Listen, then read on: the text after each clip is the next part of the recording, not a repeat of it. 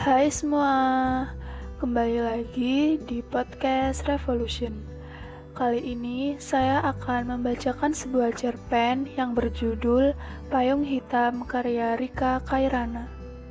Berkali-kali diketuknya pintu kamar, tapi belum ada respon dari sang pemilik kamar. Baru ketukan ketiga, terdengar suara anak perempuan yang menyahuti ketukan kamar tersebut. Males, teriak anak perempuan itu. Tapi non, sudah siang, nanti sekolahnya terlambat, kata wanita parubaya itu yang sekarang diketahui bernama Biina. Pemuda berambut coklat yang entah dari mana asalnya menjawab, Kenapa Bi, gak mau bangun tuh anak?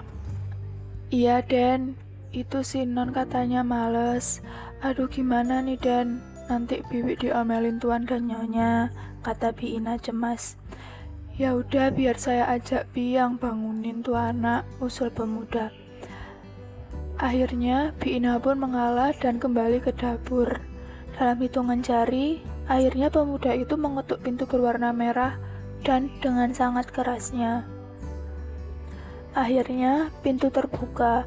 Keluarlah seorang gadis imut nan manis. Bisa dilihat dari rambutnya yang berwarna kuning emas sedikit acak-acakan. Setelah kejadian beberapa menit yang lalu, akhirnya mereka pun sampai di sekolah. Sang adik pun turun dari mobil dan segera pamit ke kakaknya. Kakaknya pun langsung berangkat ke kampus. Diketahui adik tersebut bernama Rika. Rika melihat darah di tangan dan hidungnya saat di lapangan, dan ia pun langsung pingsan. Sintaro langsung membawa Rika menuju ruang kesehatan yang di sana langsung ditaruh di tempat tidur dan dokter sekolah pun langsung memeriksa Rika. Dokter pun menyuruh teman-teman Rika untuk membawa Rika ke rumah sakit. Setelah beberapa jam kemudian, Dokter rumah sakit keluar dari ruang UGD. Teman-teman Rika pun menghampiri dokter tersebut.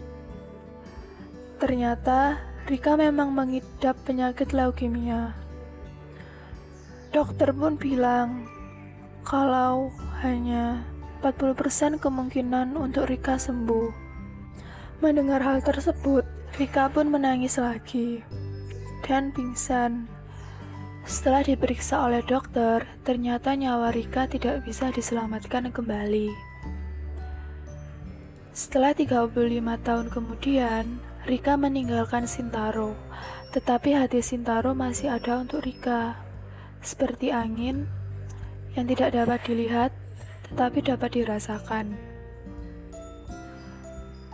Bertepatan pada hari ini, hari kematian Rika. Sintaro berencana akan ke makam Rika.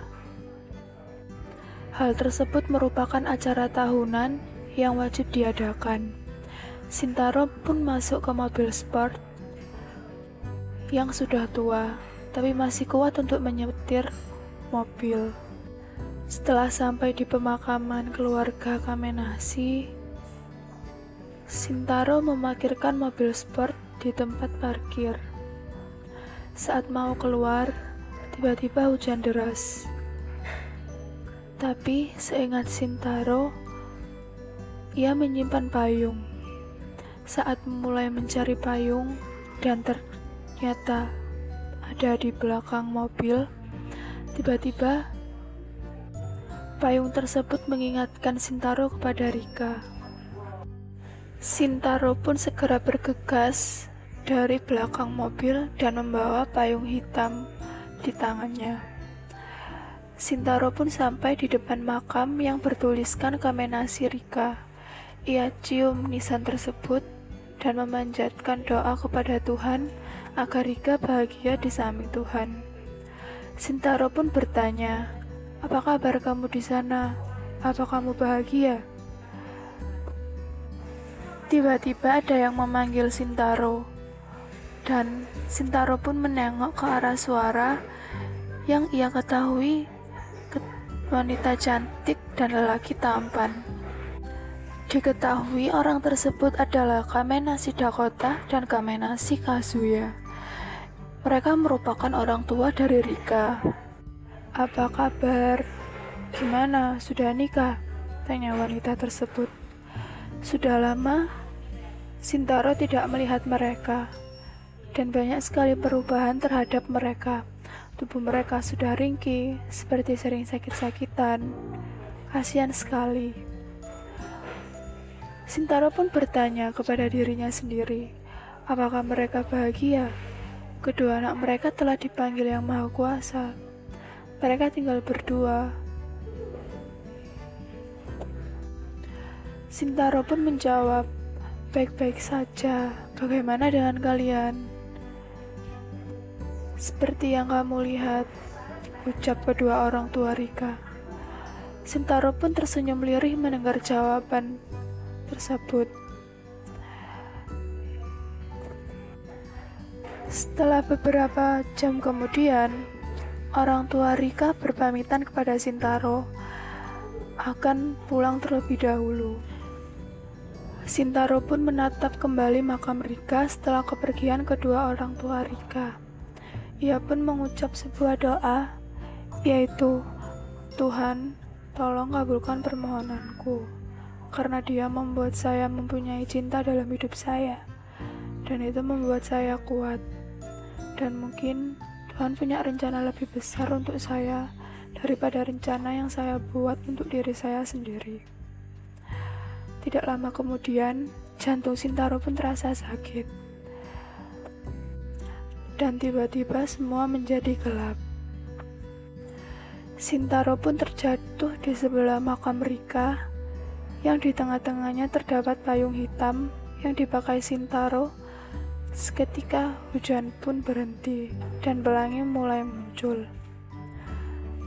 Terlihat Sintaro dan Rika yang sedang bergandengan tangan dan tersenyum bahagia. Ya, payung hitam ini menjadi lambang cinta mereka. Begitupun dengan kematian mereka. Setelah mendengarkan cerita pendek tadi, Amanat yang dapat saya simpulkan yaitu janganlah engkau terlalu berlarut-larut dalam kesedihan dan terimalah apa yang terjadi karena suatu saat nanti kau akan menerima kebahagiaan dari Tuhan.